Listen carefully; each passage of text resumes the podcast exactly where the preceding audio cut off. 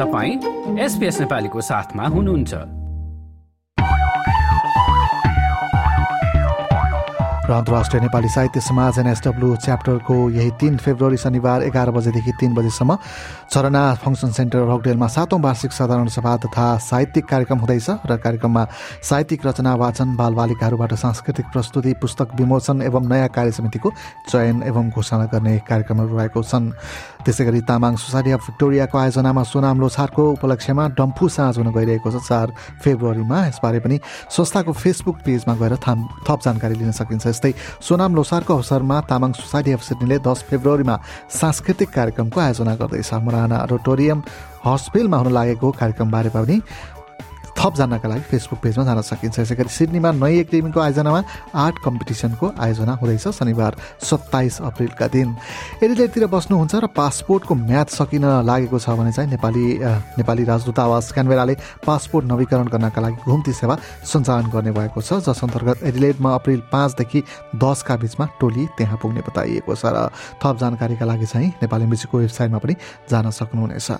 यसै गरी Australia Nepal public लिङ्कको आयोजनामा भिक्टोरियामा बस्ने नेपाली समुदाय लक्षित मेन्टल हेल्थ फर्स्ट एड तालिम हुँदैछ। फेब्रुअरी तिन र चार तारिकमा र उक्त संस्थाकै आयोजनामा मेन्टल वेलबिङ र रेजिलेन्स ट्रेनिङ पनि आयोजना हुने भएको छ। यसै गरी सिडनीमा गुठी अस्ट्रेलियाले आगामी फेब्रुअरी चारका दिन सामूहिक यी कार्यक्रमको आयोजना गर्ने भएको छ भने भिक्टोरियामा पनि प्रेस्टी गणेश मन्दिरमा मार्च महिनामा सामूहिक यी कार्यक्रम हुँदैछ। यसै गरी association of Nepal Terai in अस्ट्रेलियाले Holi Hungama कार्यक्रम आयोजना गर्दैछ तेइस मार्च सन् दुई हजार चौबिसमा। ताजमेनिया भने युनिभर्सिटी क्लबको आयोजनामा होबार्ट सोसियल वर्ल्ड कप दुई हजार चौबिसको पनि आयोजना हुँदैछ।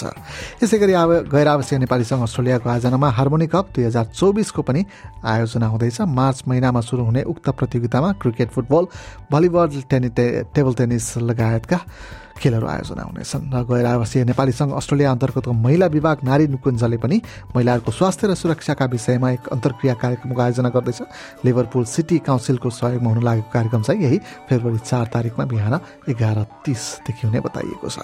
र यी थिए सामुदायिक गतिविधि र तपाईँले पनि आफ्ना केही कार्यक्रम आयोजना गर्दै हुनुहुन्छ भने कृपया हामीलाई जानकारी दिनु होला यसै गरी हामी कार्यक्रममा प्रस्तुत गर्नेछौँ। र हामीलाई सम्पर्क गर्नका लागि हाम्रो इमेल ठेगाना Nepali dot program at the rate SBS dot com dot AU Facebook वा ट्विटर वा इन्स्टाग्राम मार्फत हामीलाई सम्पर्क गर्न सक्नुहुनेछ।